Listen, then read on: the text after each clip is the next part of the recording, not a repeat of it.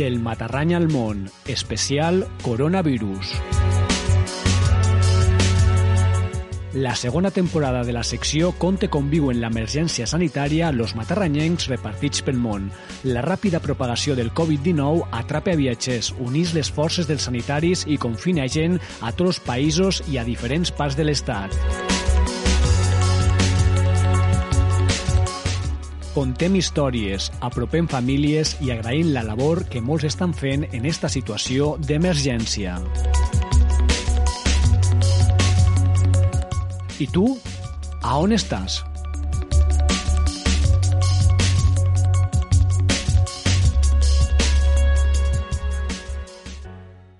Avui continuem en una nova entrega del Matarranya al món especial coronavirus. En concret, avui no tindrem un testimoni internacional, sinó que contarem amb la psicòloga Noelia Ferrer. Ella és de la Fresneda i està en altres al telèfon. Molt bon dia, Noelia. Buenas, José. Muchísimas gracias por invitarme. Estoy muy contenta de estar aquí parlant amb tu. Bueno, Noelia, contamos, avui te tenim al programa perquè vens a parlar de diferents recomanacions a nivell psicològic per la quarantena que haveu preparat des de l'associació Sicara. És així, no? Sí, sí, sí, així és. I bueno, tu ara mateix estàs a Granada, me pareix. És així, quant temps portes?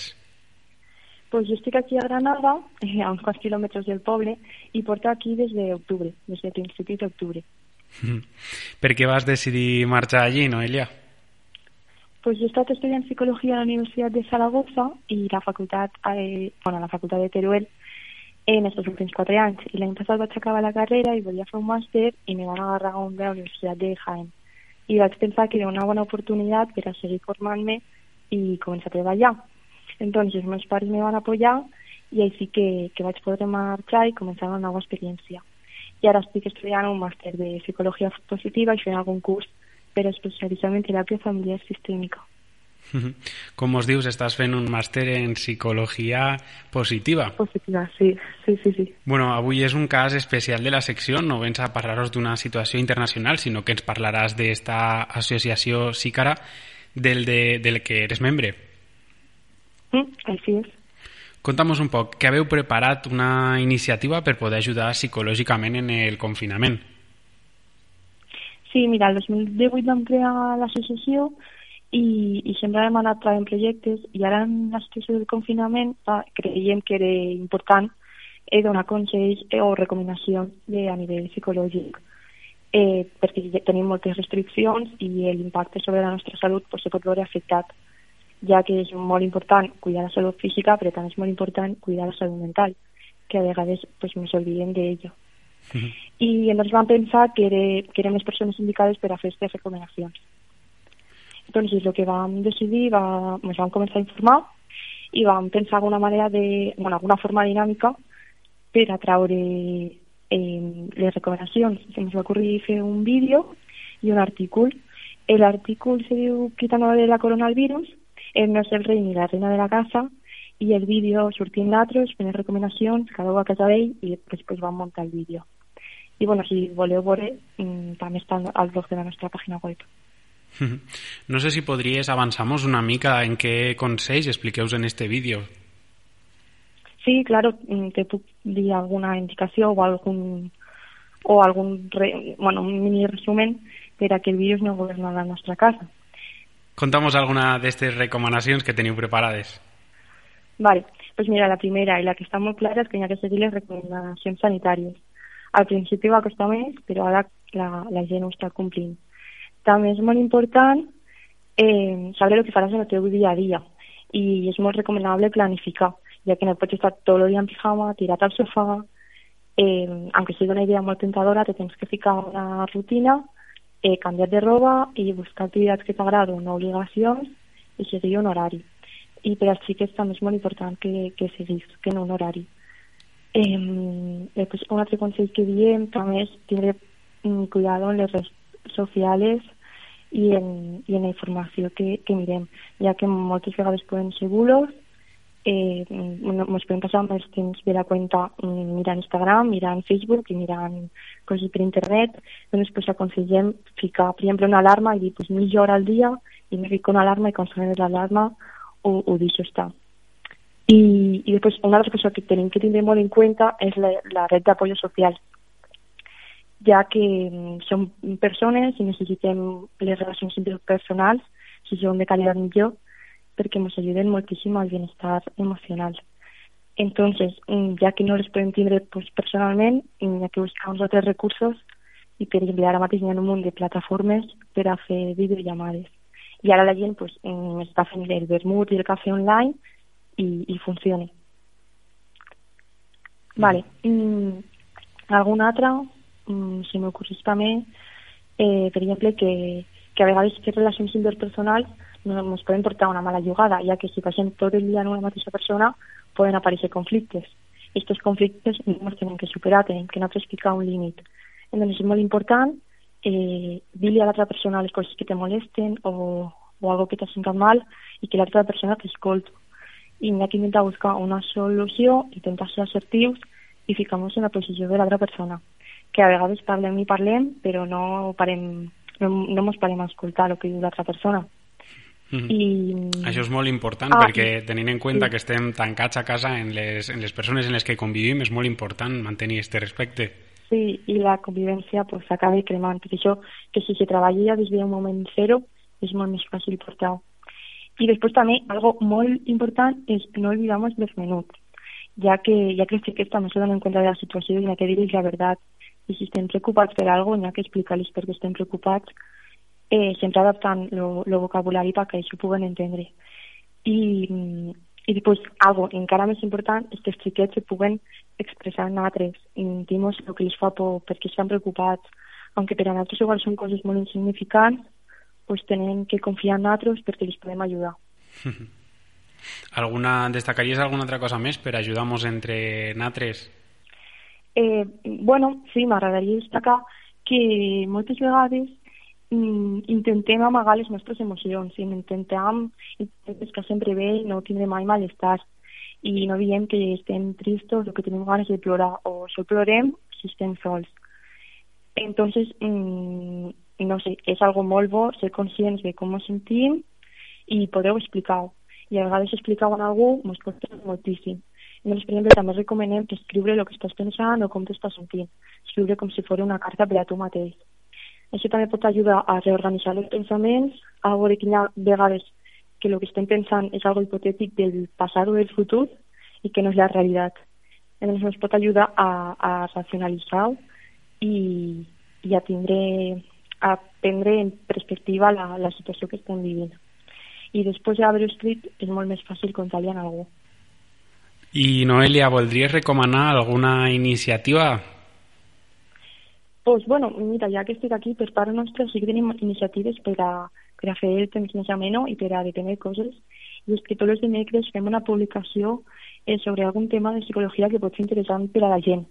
Són articles curts, però tenen material molt, molt interessant. Parlem de diferents, eh, de diferents temes, tant relacionats amb la situació actual com temes que no, i que poden anar des de la depressió a l'embaràs al consum de cannabis, la inteligencia emocional o com és un procés de duelo. I, no sé, per exemple, ens preguntem què passa quan no te pots despedir de les persones que t'estimem? Pues, mm, intentem escriure sobre temes que, que, que poden ser interessants. Els articles també els tenim a la blog de la pàgina web. Com dius, estos articles se poden trobar a la vostra pròpia pàgina web i xarxes socials? Sí, sí, sí. I, bueno, a part d'esta iniciativa o proposta, no sé si voldries destacar alguna altra. Eh, pues sí, m'agradaria destacar que si en alguna persona aquesta situació li produeix molt malestar i, i sola no pot, que pot buscar ajuda. Que a vegades mm, podem buscar ajuda a les persones cercanes, però a vegades no és suficient i necessitem ajuda de professionals. Per exemple, eh, un, un exemple per entendre-ho millor és que quan tenim grip en molta, molta fiebre i no sabem el que ens passa, pues, què fem? Pues anem al doctor i confiem en ell o en ella. En cas de malestar psicològic també tenim que actuar igual i buscar una ajuda externa. I que a vegades el malestar és tan gran i tan continu que no sabem gestionar-ho, estem buscant solucions i, i no, no ens són útils i, i damunt en l'aïllament que estem vivint és més difícil el gestionar el malestar per lo que ara molts psicòlegs i moltes psicòlogues estan oferint els seus serveis telemàticament. entonces que la gent no duda en buscar ajuda. I bueno, Noelia, de cara a un futur, esta situació de portar tant temps tancats a casa i reduir les nostres relacions socials, no sé psicològicament, des del teu àmbit, com veus esta situació de cara al futur? Eh, pues mira, José, jo, és, això és totalment opinió personal, però igual que hi haurà gent que ho portarà bé i que la seva vida seguirà en normalitat i, i que no suposarà un canvi tan gran, hi haurà gent que sí, que ho està passant molt mal, que tindrà molta ansietat, que pot entrar una depressió i, i crec que hi haurà molts més casos dels que ens podem imaginar de, de, de trastornos, de depressió, tot temes relacionats amb la salut mental. Llavors, tota la gent que estigui en aquests punts, que, que el mateix que he dit antes, que demana ajuda. Com dius, a vegades diem molt lo de demanar ajuda, però no és un procés tan fàcil. No sé si ens podries explicar alguna manera o, o on podríem acudir en aquests casos.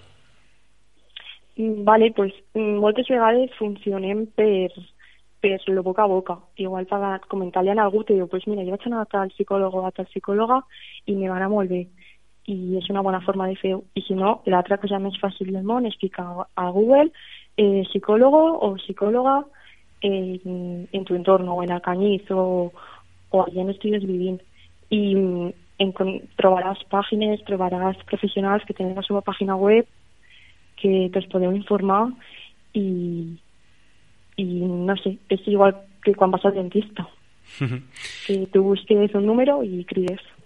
Sobretot ara també en la situació en la que estem també s'han habilitat moltes línies telefòniques per donar ajuda. Sí, sí, sí, sí. I després també, el que he dit antes, que també telemàticament també hi ha moltes ajudes, perquè ara és més difícil eh, fer-ho cara a cara. I bueno, Noelia, en concret, a la vostra associació Sicara, com va sorgir? Eh, vale, pues eh, va ser una iniciativa de tercera carrera que ens vam juntar uns quants de, de classe. Eh, tots som estudiants de Teruel, tots som psicòlogs i psicòlogos. Eh, la majoria som d'Aragó, som 13, i, i la funció era potenciar el paper que té la psicologia a la nostra comunitat. Eh, nos hem proposat en molta il·lusió desenvolupar projectes per a cobrir necessitats que hi ha psicològicament en la població. Almenys ara, de moment, estem eh, treballant molt en adolescents pero bueno, estem oberts a cualquier, a cualquier oferta o a cualquier mm, nova idea que se ens pugui ocurrir. Bueno, com dius, una gran cosa destacable és que tots sou estudiants o tots sereu estudiants de tercer de psicologia i de Teruel. Sí, sí, sí, sí. Allí vam crear el grup i, i la veritat que estic molt contenta d'haver pogut estudiar allí i d'haver conegut a tota aquesta gent. I bueno, tu, Noelia, ara mateix estàs a Granada, com us explicaves, fent este màster. Esta crisi sanitària te, te va agarrar allí? Sí, me, me va agarrar a Granada i vaig dir, va, com sol són dues setmanes, pues me quedo aquí. Igual si ho haguera sabut que seria tant temps, haguera tornat a casa antes de, de l'estat d'alarma ja que com a casa pues, no s'està cap puesto.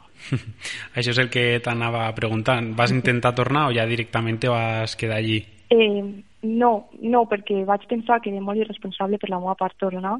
Havia estat en contacte amb molta gent a Granada i, i pues, me fe eh, portar el virus a la zona. I aquí estic bé, tinc una nova rutina, entonces vaig decidir quedar-me. I ara mateix, tu, el teu màster, com, com l'estàs fent? Eh, via online. Eh, les classes tenim per videollamada, els professors ens envien pues, documents per a llegir i treballs i en els companys de classe per a fer treballs pues, igual tot per videollamada i per Drive i diferents plataformes. Ens estem adaptant bé, però, però clar, jo ara també tenia pràctiques i estava molt il·lusionada, però tot s'ha anat un poc a... sí, sí. I bueno, Noelia, saps quan, quan podràs tornar aquí al Matarranya, a la Fresneda? pues supuso que cuando acabó el confinamiento, pues tornaré, però claro, qui sap, cada vegada s'allarguen més. Perquè tu els teus estudis de moment segueixen en la programació o saps si s'allargaran o algo? Sí, en principi segueixen en la programació. Bueno, Noelia, per acabar esta entrevista, no sé si voldries donar algun missatge esperançador o saludar algú. Eh, sí, bueno, saludar a ma família i als meus amics i, i després també que per a la gent que està a casa que disfruto dels seus i per a los que estem fora pues que quan puguem tornarem i disfrutarem com mai. I també que tenim que pensar que este confinament està salvant moltes vides i, i, que, i que sabem que estem fent el correcte. Així com dies, és molt bon moment per aprofitar dels nostres, ja que millor oportunitat que aquesta possiblement no tornarem a tindre. Sí, sí, sí. Per a fer coses que igual mai havia fet. Bueno, Noelia Ferrer, moltes gràcies per estar en Natres a Ràdio Matarranya i donar-nos tots aquests consells psicològics per afrontar d'una millor manera el coronavirus.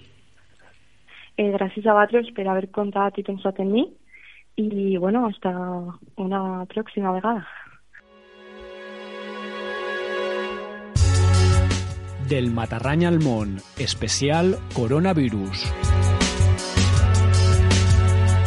La segona temporada de la secció Conte com viuen l'emergència sanitària los matarranyencs repartits pel món. La ràpida propagació del Covid-19 atrapa a viatgers, unís les forces dels sanitaris i confina gent a tots els països i a diferents parts de l'Estat. Contem històries, apropem famílies i agraïm la labor que molts estan fent en esta situació d'emergència. I tu, a on estàs?